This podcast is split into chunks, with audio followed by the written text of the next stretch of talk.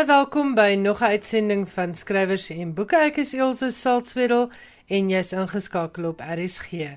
Baie dankie dat jy saam met ons vir die radio kuier.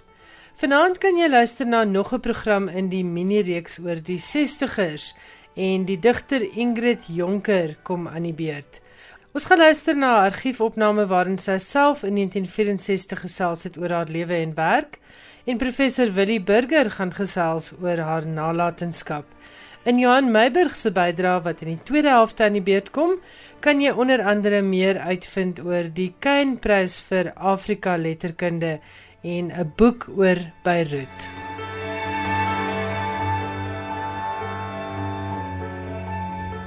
Ingrid Jonker het 'n baie belangrike bydrae tot die Afrikaanse letterkunde gelewer en haar gedigte is vertaal in verskeie tale, onder andere Engels, Duits, Frans, Nederlands, Pools Hindi en isiZulu. Ons gaan nou luister na 'n argiefopname van 'n onderhoud wat in November 1964 uitgesaai is. Dit was deel van 'n programreeks getiteld Vroue kunstenaars van ons land en is aangebied deur Andrei Potgieter. Hierin gesels Ingrid Jonker oor haar lewe en werk en sy lees ook twee van haar eie gedigte voor, naamlik Bitterbessie Dagbreek en Die Kind. Ek hoop jy geniet hierdie stukkie geskiedenis.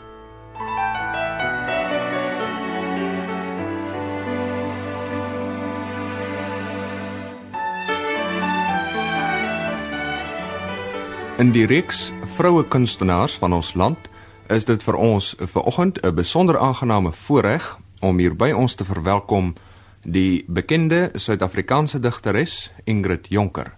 Goeiemôre juffrou Jonker en welkom. Goeiemôre. Vertel ons so een en ander omtrent u vroeë kinderdae. Waar is u gebore? Wel ek is gebore in Douglas. Ek dink dit is daar by die Oranje rivier.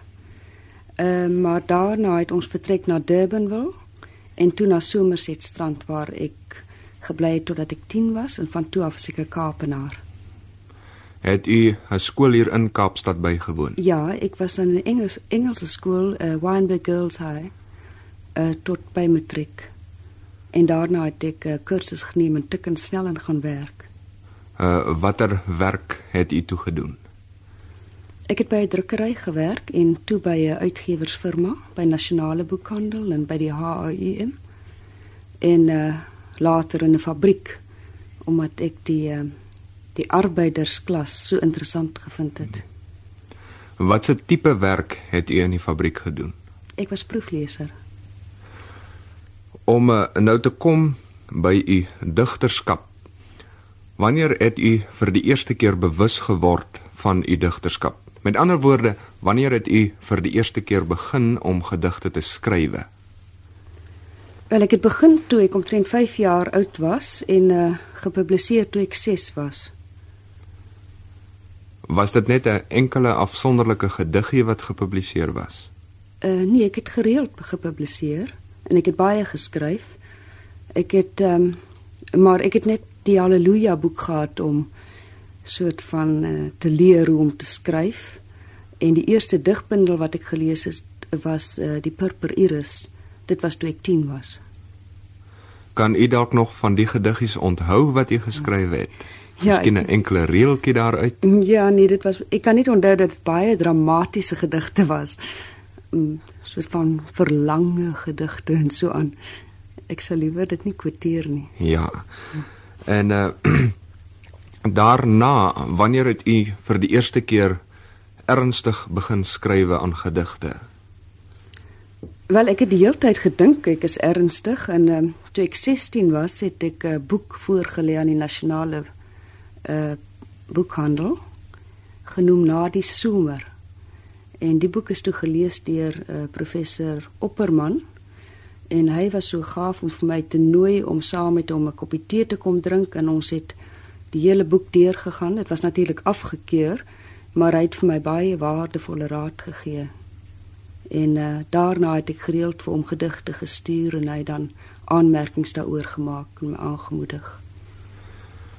Watter persone en situasies sou u sê het 'n groot invloed gehad op u ontwikkeling as digteres? Ja, persone en situasies gaan eintlik saam.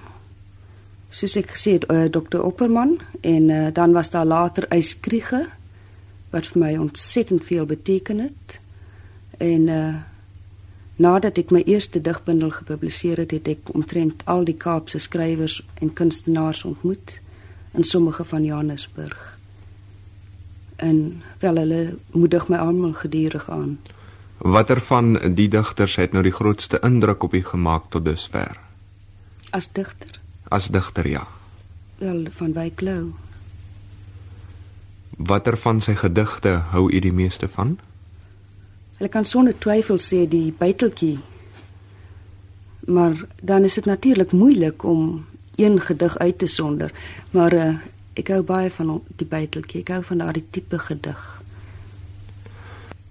Kan u in kort vir ons verduidelik die ontstaan van 'n gedig? As u nou 'n gedig skrywe, wat is die oorsaak van die gedig en hoe gaan dit te werk? Ja. Ehm um, wel dit verskil natuurlik by uh, verskillende mense. Ehm um, ek kry byvoorbeeld 'n uh, eh, gevoel van die ritme van 'n gedig en die vorm soos hy moet lyk en dan soms visuele indrukke. En, en nie juis gedagtes, denkbeelde nie, maar visuele indrukke, vorm, ritme. Dit is die eerste. En dan daarna kom 'n gedig gewoonlik taamlik vlot by my. Skrywe u dan die gedig in sy geheel of werk u later weer aan hom? Baie selde, ek skryf dit gewoonlik in sy geheel. En uh selfs uh, sommige reëls voordat hulle die papier bereik word al weggegooi, gesensuur en so. Het u al baie gereis? Ja, ek het um, die geleentheid gekry toe die APB my die prys gegee het vir uh, hierdie jaar uh vir my bundel Rook en Oker.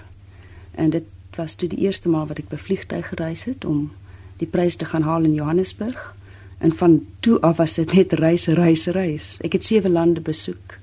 Ehm um, met die geld van hierdie prys en ek is van plan om weer volgende jaar oor see te gaan. Watter lande het u besoek? Ek was in Engeland, in Holland, in uh, Duitsland, Switserland, Frankryk en Spanje. En watter van die lande was nou vir u die mooiste? Parys definitief. Hoekom sou u so sê? Wel, uh, dit is so 'n lewendige stad en daar's oral kuns, dit is stimulerend. En daarom gaan ek direk terug na Parys volgende jaar. Wat is u doel om weer terug te gaan Parys toe? Ehm, um, wel ek wil aan die Sorbonne Frans leer. En ehm um, ook ek voel dat 'n mens jou kan verloor in Parys. Jy kan vergeet van Suid-Afrika en jou al jou dierbare vriende. Jy kan jou heeltemal losmaak in mens alleen staan. En dan in jou eensaamheid miskien jou wese vind. Het u al 'n studie gemaak van ander lande se letterkunde? Ja, ek uh, sou nou nie sê 'n studie juis nie, maar ehm um, ek hou baie van die 50ers in Holland. Ek het ongelukkig nie een van hulle ontmoet nie. En ehm um, die Amerikaanse letterkunde is baie aantreklik, ook die Franse en die Spaanse wat ek nou net in vertalings gelees het. In watter opsig is uh, die Amerikaanse, die Franse en die Spaanse nou vir u aantreklik? En wel die Franse en die Spaanse, sou ek sê van wie uh, hulle passie en hulle hulle, hulle is nie selfbewus nie. Die Engelse is nou meer selfbewus en miskien 'n bietjie beter gepoleer.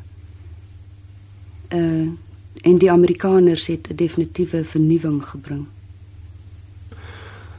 Uh as u nou die digkunde van die lande wat jy reeds opgenoem het, moet vergelyk met die Suid-Afrikaanse digkunde. Sou u so 'n vergelyking wou gemaak het? Nee, ek ek dink nie dit is heeltemal regverdig om so 'n vergelyking te maak nie. Omdat ons uh, digkuns nog so jonk is. Maar ek dink daar seker van 'n sekere van ons digters wat baie goed sal vergelyk met ehm um, byvoorbeeld die Nederlandse digters. Sou u sê dat ons Afrikaanse digkunde vinnig ontwikkel het of dat die ontwikkelingsproses 'n stadige een was? Nee, ek sou sê dit was merkwaardig vinnig. Afgesien van die digkunde, stel u ook belang in prosa en drama Afrikaans ja, gesproke. Ja, natuurlik, ja. Sou u sê dat die twee rigtings in die letterkunde skerp afsteek by die digkunde? Uh, wel ja, die die digkunde het natuurlik baie vinniger ontwikkel en 'n baie hoër pyl bereik, maar die 60ers het so groot vernuwing gebring en hulle is so belovend dat um, ek maar nie graag sou wil uitspreek daaroor nie. Ons mag miskien volgende jaar met die groot Suid-Afrikaanse roman sit. Ja. U, u praat nou so van roman. Wat sou u sê is die beste Afrikaanse roman tot op datum? Wel, as ek nou moet oordeel, ek ek sou nie graag wil oordeel nie. Ehm um, ek sou sê dit lê tussen Etienne Leroux se boek 'n sewe dae by die Silverstones en die ambassadeur van Andre Brink. Hoekom sou u hulle nou so hoog aanprys? Ehm um, wel omdat ek dink hulle is ingrypend en eerlik. Terwyl soveel van ons romans uh idealisties was. En uh, die Afrikaanse drama, wat sou u sê was tot dusver ons grootste drama? Ek sou sê Bartus met sy put sonder water. Omdat dit 'n poëtiese drama is wat terselfdertyd 'n uh, 'n lang verwagte aanval maak op die gemeenskap en ons 'n bietjie ruk uit ons droomwêreld en selfgenoegsaamheid en 'n spieelbeeld stel vir die Afrikaner van wat aangaan. Afgesien nou van die digkunde, het u nog enige ander belangstellings? Ja, noodwendig. Uh, ek het 'n dogtertjie van 6 jaar wat baie aandag verg. Ek uh, stel 'n bietjie belang in die sielkunde. En ehm um, as werk is uh, ek is nou vertaler. En uh nou wel vir ontspanning, bergklim, swem, uh, teater. Wel nee, teater is daarom nie ontspanning nie. Maar, maar u stel tog belang daarin. Ja, veel. Ja. Veel, ja. ja. Uh u sê nou uh u is op die oomblik vertaler. Wat behels dit presies? Wel, ek uh, vertaal ehm um, notules, briewe, enige ding van Afrikaans na Engels en van Engels na Afrikaans, baie eenvoudig. Afgesien nou van daardie vertaalwerk, het u nog enige ander vertaalwerk gedoen?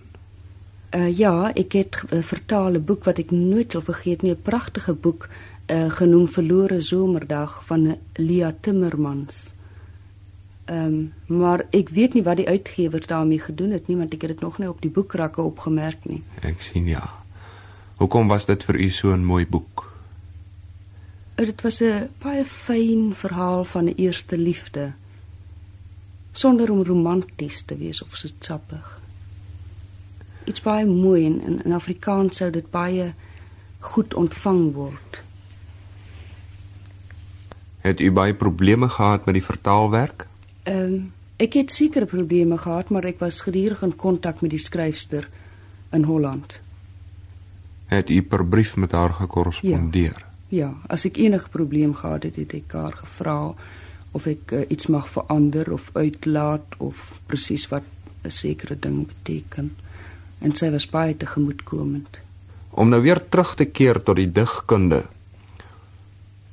Hoekom sou u sê het die Engels sprekende gedeelte van ons bevolking nog nie eintlik 'n groot digkuns opgelewer nie? As 'n mens dit nou vergelyk met die Afrikaanse digkuns. Ja, ek dink miskien was uh, is hulle 'n bietjie geïnnoveer deur die groot uh, letterkunde van Engeland en uh, ook omdat hulle nie nodig gehad het om 'n kultuur op te bou en hulself te laat geld soos die Afrikaner volk nie. Ons is baie meer kultuurbewus as die Engelssprekendes. En uh, ons Suid-Afrikaanse digkuns wat sou u sê is die tekortkominge daarvan? Wel, dit is seker nog maar jonk. Dit is uh dit reik nie uit genoeg. Uh dit is nie universeel genoeg nie. Uh dit is ehm uh, nie speels genoeg nie. En uh dit is baie dikwels selfbejammerend nog vanweë die jonkheid. Sou u sê daar is 'n sekere gebied waar die Afrikaanse digkuns nog veel kan oplewer? Ja, ek dink dit kan nog op alle gebiede veel oplewer en dan dink ek dat uh, die uh, gedigte wat moet kom is wat uh, eerlik staan teenoor ons rasseprobleme. En uh, daar is sommige gedigte van van Byklou en ook van Opperman wat uh, wel daaraan raak, maar ek dink dat dit nog baie verder uh, nagegaan kan word. Wat sou u sê is die rol van die kunstenaar in die samelewing? Ja, dit is natuurlik 'n vraag wat hulle altyd vra. Dit is Miskien is dit maar om sin te gee aan die sinlose. Sou u nie verder daaroor wou uitwy nie. Om 'n sekere orde te skep en om 'n spieelbeeld te stel vir die volk in die tyd waarin die kunstenaar lewe. Daar word soms gesê die kuns is van die enkeles vir die enkeles. Sou jy nie sê dit is 'n groot tekortkoming nie? Dat ja, die kuns net gerig is op 'n sekere gedeelte van die samelewing. Ja, dit dit is jammer as dit gebeur. Dit is ook in sommige opsigte noodsaaklik, maar ek dink die kunstenaar moet probeer om 'n groter publiek uh, te bereik. Hoe sou u sê kan dit gedoen word? Uh deurdat die kunstenaar in aanraking bly met die gemeenskap en homself nie so vereensaam dat uh sy kuns heeltemal persoonlik word nie en te intellektueel word nie. Afgesien nou van die digkunde, het u nou al dramas probeer skrywe of kortverhale? Ja, ek het uh, een drama wat ek nog nie gepubliseer het nie. En dan het ek 'n kortverhaal geskryf wat onlangs gepubliseer is in Winterroos, uitgegee deur die APB. Vertel ons bietjie meer van die twee. Ehm um, wel die die storie is die een van die bok. Ehm um, ja, moet ek die storie vertel? Asseblief, so in kort. is 'n bietjie moeilik om dit kortliks te stel. Dit is ehm, 'n um, storie van 'n swanger vrou uh wat haar bedreig voel deur 'n bok wat gedurig afkom van die rand en haar kyk en uh 'n bietjie brutaal is. Ehm um, dit is eintlik haar man wat sy ehm um, haat en die haat word oorgedra op die sondebok. Dit is min of meer die inleiding tot die storie. Ja, dit klink baie interessant. As u u eie digkuns nou moet karakteriseer, hoe sou u dit doen? Dit sou 'n um, ehm, bietjie embarrasserend wees vir my om te om dit te karakteriseer. Ehm um, wat ek probeer doen is om die misterie te behou en om nie te serieus te word nie om nog volks te bly en soveel mense moontlik te bereik maar dit, ek kan dit natuurlik nie sê dat ek dit gedoen het nie ek sê dit aan die kritisie oorlaat is u enigsins gevoelig vir kritiek ehm um, wel ek dink enige mens is maar uh, ek was nog baie gul behandel deur die kritisie. Ek het uh, geen klagte nie. Ek dink hulle prys my 'n bietjie te veel. Jy het nou al die Ernst Oppenheimer Trust beurs ontvang. Ja. Vertel ons 'n bietjie meer daarvan. Uh wel dit is uh vir my studie oor see. Wanneer ek volgende jaar oor see gaan dan uh sal ek dit gebruik. Ek het net uh nadat ek die prys gekry het aansoek gedoen om 'n beurs en uh, hulle dit dadelik aan my geskenk. Hoeveel bundels het u tot op datum al gepubliseer? Net twee dingetjies. en uh, is daar enige pryse toegeken? Ja, natuurlik aan die uh, laaste bundel is die APB R2000 prys toegekend vir die beste boek van die jaar. Was u baie verras toe u van die ja, toekenning gehoor ja, het? Ja, ek het dit heeltemal nie verwag nie. Kan u dalk vir ons een of twee van u gedigte voorlees? Ja, seker. Ehm um, ek dink 'n goeie een om te kies is 'n uh, Bitterbessie dagbreek omdat dit 'n uh, taamlik eenvoudige gedig is en ehm uh, in hierdie medium dink ek uh, miskien een van die beste sal wees om voor te lees. Kan jy maar voorlees asseblief? Bitterbessie dagbreek. Bitterbessie dagbreek, bitterbessie son. 'n Spieël het gebreek tussen my en hom. Soek ek na die groot pad om daar langs te draf. Oral draai die paadjies van sy woorde af. Dennebos herinnering, Dennebos vergeet. Het ek ook verdwaal, trap ek in my lid. Papegaai bond echo, kirang kirang my totdat ek bedroe weer die koggel kry. Echo is geen antwoord, antwoord hy al om. Bitter bessie dag breek, bitter bessie son. En uh, die ander een wat jy ook wou voorlees?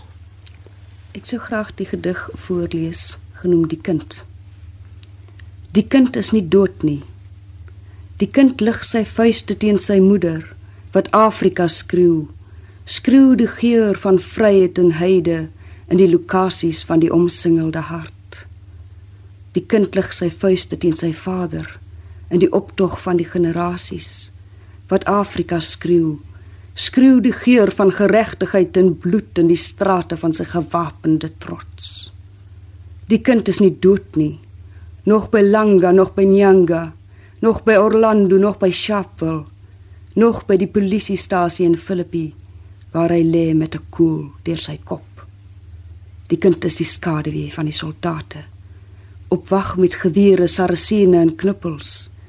Die kind is teenwoordig by alle vergaderings en wetgewings. Die kind loer deur die vensters van huise en in die harte van moeders. Die kind wat net wou speel in die son by Nyangas oral. Die kind wat 'n man geword het, trek deur die ganse Afrika die kind wat 'n reus geword het, reis deur die hele wêreld sonder 'n pas.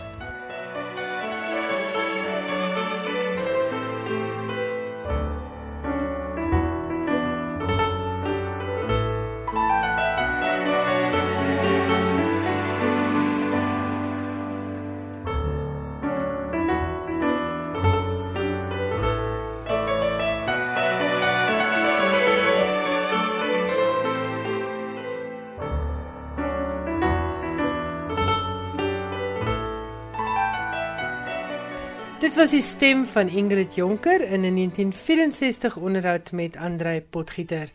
Baie dankie weer eens aan Karen de Tooy van die argiefdiens wat hierdie gesprek vir my beskikbaar gestel het.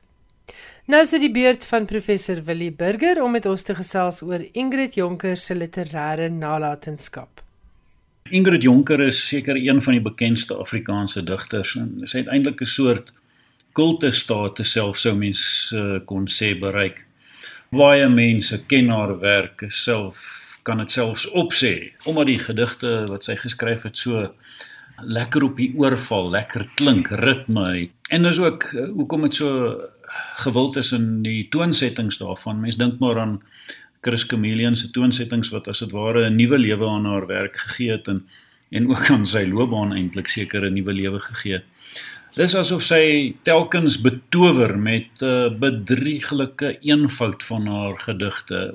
Die woorde lyk eenvoudig, die dit lyk uh, sommer net so, maar dan is daar agter hierdie eenvoud 'n ryke suggestie. Daar word so baie gesuggereer wat eintlik onvaspenbaar is wat mens nie presies kan vasstel wat daar agter lê nie. Mens voel intuïtief aan dat hier uh, baie diepte agter hierdie eenvoud lê. Ehm um, en en die en die gedigte gaan dan ook telkens oor die groot vrae van die lewe, oor wat dit is om hoegenaamd te lewe, oor die liefde, maar die ontwykende, die onvaspenbare. En dit kry sy dan alles reg in 'n soort inkanterende klankrykheid waarop mense telkens wys. Nou aan die een kant is dit is hierdie soort poësie wat ehm um, haar werk so gewild maak. Aan die ander kant is daar ook nog die feit dat haar lewe so aangrypend is vir die verbeelding, die tragiese lewe, ehm um, die swaar kry as kind, die moeite om aan te pas in 'n samelewing waarin sy maar net nie kan inpas nie, wat haar telkens wil dwing in 'n klein burgerlike bestaan in waarvoor sy nie kan sien nie, wat sy nie wil hê nie. En ehm um, dan uiteindelik haar haar vroeë dood, selfdood, um, soos hy eindig in wier en gras terwyl hierdie bekendheid wat ons het met haar uh, passievolle liefhe en uh, die verset teen die klein burgerlike bestaan in al sy vorms is daar uiteindelik ook by haar 'n soort misterie. Um, maar haar lewe word in 'n soort misterie gehul vir baie jare lank baie bespiegelings oor haar dood. Daar's 'n soort nuuskierigheid oor haar lewe, soos wat daar is oor die digter so Sylvia Plath ook natuurlik wat uh, vergelykbaar is. En Sexton word ook dikwels met haar vergelyk. En die gevolg is nou telkens in boeke ook probeer is om dit te agterhaal. Petrovna Metlerkamp het um, in verskeie pogings uh, daar aangewend om om iets van hierdie misterieuse lewe vas te pen. Louise Viljoen in daai klein sakboekie van haar uh oor uh, Ingrid Jonker se lewe het ewenigs probeer om om iets te agterhaal hiervan. Daar selfs 'n sielkundige se studie oor haar werk gedoen. Um en en ek dink ook uh, die opwinding wat uh in in sommige kringe geheers het met die verskyning van Vlam in die sneeu, daai uh, liefdesbriewe tussen Andrei Brink en Ingrid Jonker um, het ook juis mense se belangstelling gaande gemaak omdat dit hierdie betowering het van haar misterieuse lewe wat 'n mens dalk gaan agterhaal.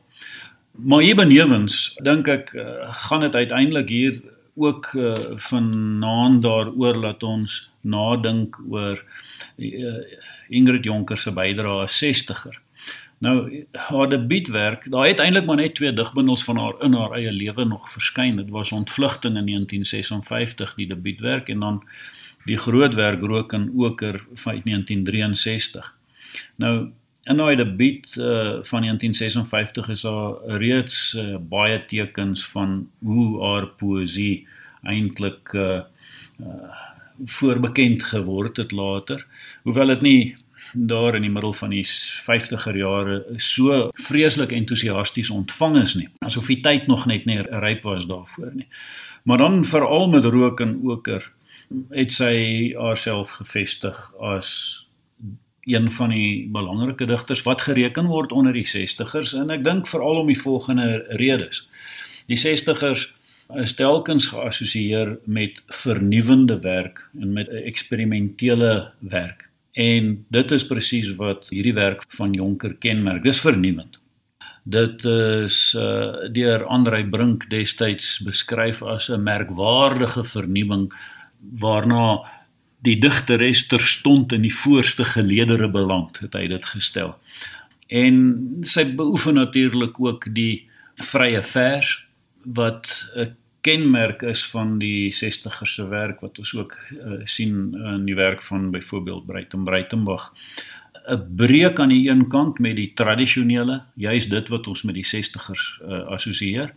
Hoewel daar ook uh, baie keer in haar werk ook 'n baie nou aansluiting by die tradisionele vorms van die vers ook is is daar hierdie kenmerkende vernuwende breek uh, wat haar dus 'n 60er maak Wat haar ook 'n 60er maak is uh, haar verbete weerstand teen sensuur. En dit is uh, sensuur was een van die redes waarom die 60ers ook uh, saamgestaan het en as 60ers uh, ook 'n gemeenskaplike stem probeer kry het uh, in weerstand teen teen die um, toenemende sensuur onder die verwoerde regering aanvanklik. En dit was natuurlik die manier hoe sy ook uiteindelik vir ander hy brink ontmoet het. Ehm um, hulle wou juis praat oor uh, moontlike protes teen sensuur. Sy skryf ook in van haar briewe hoe dat sy die hofsaak gaan bywoon het uh, teen Wilbur Smith is 'n boek om om die te verbied. Sy het haar uh, natuurlik ook verbete verset teen die goed wat mens baie dikwels sien in van die ander 60er se werk ook.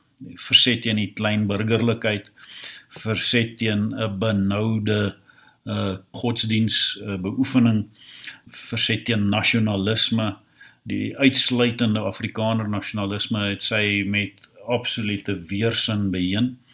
En en sy is ook baie sterk reeds uh, in verset gewees teen die idee om besit te word, om as 'n vrou besit te word of bestuur te word of beheer te word in 'n man gedomeineerde samelewing. Nou al hierdie aspekte van verset en vernuwing maak haar um, daarom juis 'n 60er. Maar ek het uh, verlede keer ook gesê mens moenie altyd dink dat hierdie 60ers almal presies een van sin en een van doelwit was nie. Nou hoewel hulle in baie opsigte aangesluit het by vernuwing, ehm um, tegnies en eksperimentering tegnies en ook uh, rondom hulle verset teen sekere aspekte van politieke sosiale ehm um, wantoestande is dit nie altyd eensstemmig nie. Een van die maniere waarop ek dink Jonker haar ook bietjie anders as sommige van die ander 60ers uh, eh, gedra het. Sy het ook dikwels in Engels gepubliseer, ehm um, gereedelik in contrast gepubliseer. Ehm um, en en met daardie skrywers ook omgegaan wat mense nie noodwendig altyd gesien het by van die ander 60ers nie. Terwyl sy ook 'n uh, bietjie skepties gestaan het teenoor die politieke beskouings van sommige van die mede 60ers. Sy skryf in een van haar briewe aan Andrei Brink dat sy dink Etienne Leroux se politiek is ook maar 'n bietjie skeef soos Bartusen, soos Bartu Smitsen. uh, uiteindelik is uh, haar nalatenskap as 'n 60er dink ek um on, on ongetwyfeld 'n belangrike een, baie vernuwing uh, gebring in die poësie in haar poësie self, maar uiteindelik ook daarmee vir vroue digters, uh, ek dink um 'n baie sterk navolgingswaardige model gestel. En dit was professor Willie Burger, hoof van die departement Afrikaans aan die Universiteit van Pretoria en hy het gesels oor Ingrid Jonker. As jy belangstel om meer oor haar te lees, is daar twee biografiese werke waarna Willie ook verwys het. Die een is Petrofna Metlerkamp se Ingrid Jonker, beeld van 'n digterslewe wat in 2003 by Penguin verskyn het. En dan is daar ook Louise Viljoen se Ingrid Jonker wat in 2012 by Jacana verskyn het. Dit is in Engels. Uh Petrofna se boek is ook beskikbaar in Engels indien daar Engelse lesers is wat vanaand luister en dit is dan bekend as A Poet's Life. Nou is dit weer tyd vir Johan Meiburg se bydrae oor die internasionale letterkunde en vanaand gesels hy oor die Kynprys vir skryfwerk uit Afrika wat ook bekend staan as die Afrika Boekerprys, die Gotham Letterkundeprys en 'n boek waarin Beirut wat verlede week deurgeloop het onder 'n geweldige groot ontploffing wat meer as 250 000 mense dakloos gelaat het, pragtig beskryf word. Grace Jones, 'n kortverhaal van die Nigeries-Britse skrywer Eronosin Okoji, is aangewys as die wenner van vanjaar se AKO Kynprys vir skryfwerk uit Afrika. So soveel prysaankondigings en oorhandigings van jare is die aankondiging per digitale video gedoen. Okoji se reaksie op die aankondiging was dat die prys haar ekstra versekering gee as swart eksperimentele vroue skrywer wat so voel dit vir haar doenig is op die periferie. Die kortverhaal is opgeneem in Okoji se bundel Nudie Branch, uitgegee deur Little Brown se Dialogue Books. Grace Jones is die verhaal van Sidra, 'n vrou wie se lewe verteer word deur 'n skuldgevoel.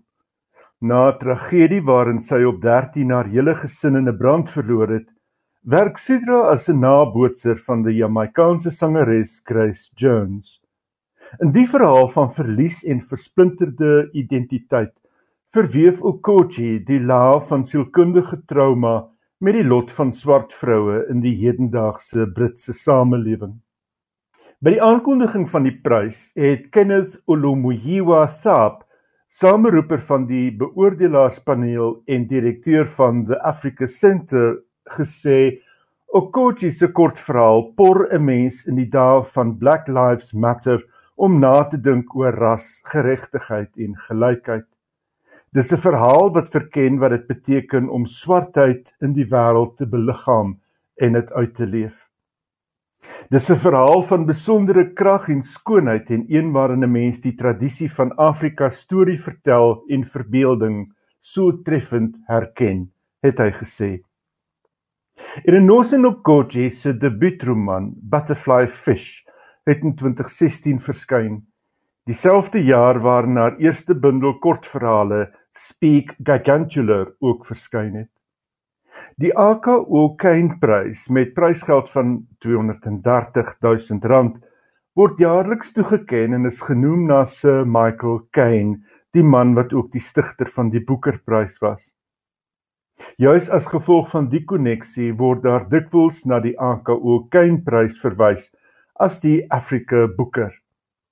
Die AKO stigting is die borg van die prys. Ironosi Nkoji se kortverhaal Grace Jones kan gelees word op die webwerf www.caneprize.com.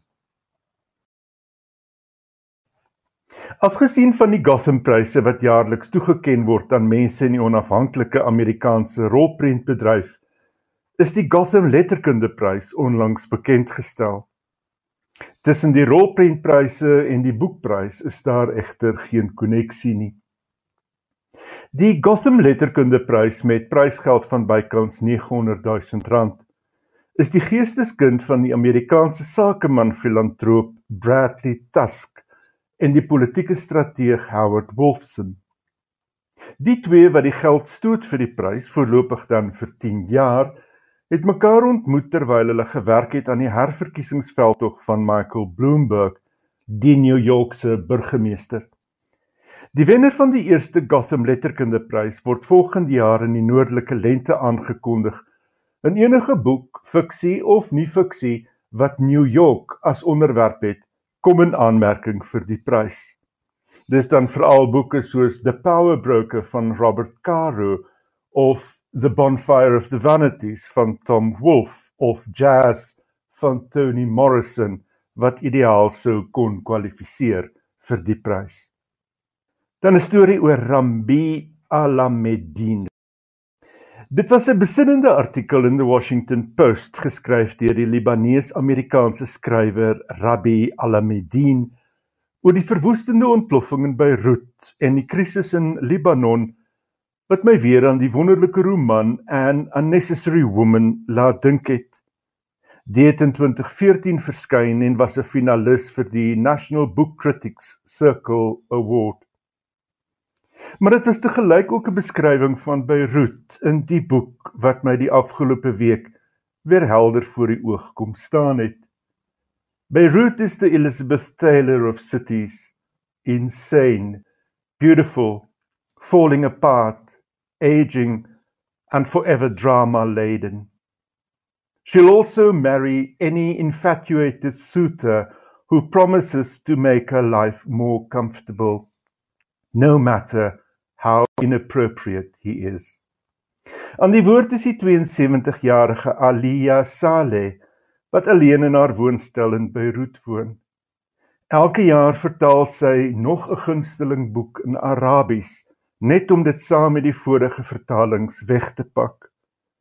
Die 37 boeke wat sy in haar lewenstyd vertaal het, in haar voorkeur strek van Sebald tot Spinoza, van Stendhal tot Kafafi, bly ongelees. As sy op 'n dag haar bure hoor praat oor haar wit hare, besluit sy terstond om dit blou te kleur. An Unnecessary Woman is 'n portret van 'n ouer vrou wat mymer oor die lewe in die letterkunde en die filosofie en die kuns. Wat haar lewe lank woon in 'n stad wat flenters geskiet is in hoeveel skermutselinge. Die boek kan 'n mens beskryf as 'n liefdesbrief aan die letterkunde en die mag wat lees het om ons 'n idee te gee van wie ons is. Rabbi Alamedine woon in Beirut en dele van die jaar in San Francisco.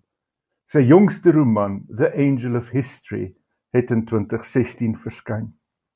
Hier lees Rabbi Alamedine 'n vermaaklike gedeelte uit An Unnecessary Woman tydens die Miami Book Fair in 2014. Good evening. Um, the, my novel is about a 72 year old woman, uh, somewhat of a recluse. She begins the novel by dyeing her hair accidentally blue, and it goes downhill from there. She's, uh, this uh, section is about her husband, or ex husband.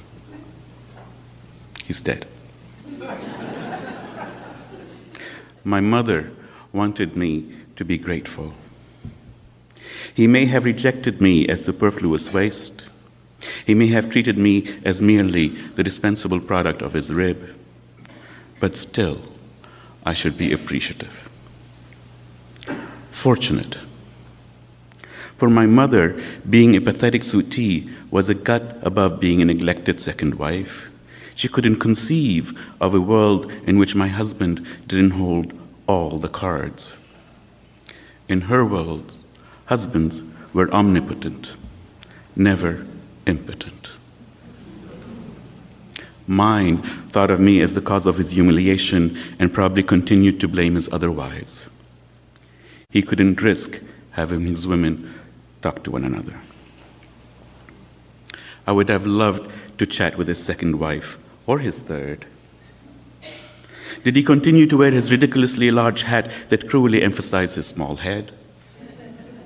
I could have asked, in all the years of marriage, did you ever see his penis? Did that shrivelly appendicle ever reach half mast? When did he surrender? When did he end his fumbling humiliation in the dark? Was it a year, six months, a couple? I hazard it was merely a month. He pursued the charade for seven months with me. In The Science of Right, Kant wrote Marriage is the union of two persons of different sexes for the purpose of lifelong mutual possession of each other's sexual organs. Kant obviously hadn't met my husband. Of course, like Descartes, Newton, Locke, Pascal, Spinoza, Kierkegaard, Leibniz, Schopenhauer, Nietzsche, and Wittgenstein, Kant never formed an intimate tie or reared a family.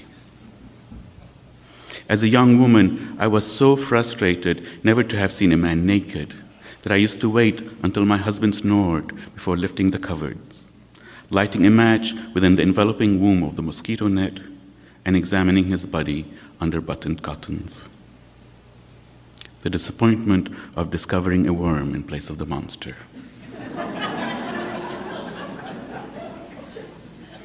Of this, I was supposed to be afraid. This, the verge of fertility.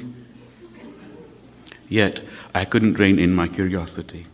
I looked every chance I had by the light of a match, not a candle, because when quickly extinguished, its smoke was not as incriminating. The steady snores, the deep breathing, the lost world of sleep, never once caught, never discovered. Fifteen years ago, at 61, my husband died, a solitary passenger on a public bus, his head leaning at an awkward angle against the murky window. The bus drove two full routes, passengers ascending and alighting before the driver realized he was keeping the company with a lifeless man. Sometimes death arrives quietly. Wanting to put him to rest once more, I attended his burial, his final internment. No keening or wailing at his funeral. In the open casket, he lay dead. Someone had combed his hair flat and awkward as if he'd just taken off his imbecilic hat. Seated all around me, the mourning women could not help but giggle and gossip. He had died with an erection that would not relent. Priapism in the final throes, an irony worthy of Svevo. In death, Eros triumphed, in life, Thanatos had. My husband was a Freudian dyslexic. Baie dankie Johan Meiburg. As jy Grace Jones, die kortverhaal wat met die Kynprys bekroon is, wil lees, gaan loer gerus by www.kynprize.com. Die uittreksel waarna jy kon luister in Johan Meiburg se bydrae kom uit die roman An Unnecessary Woman deur Rabbi Allah Medin. Dit was dan finansies skrywers en boeke. Baie dankie dat jy saam met ons hier voor die radio gekuier het. En volgende Woensdag aand om 8uur maak ons weer so. Tot dan, lekker lees en veilig bly.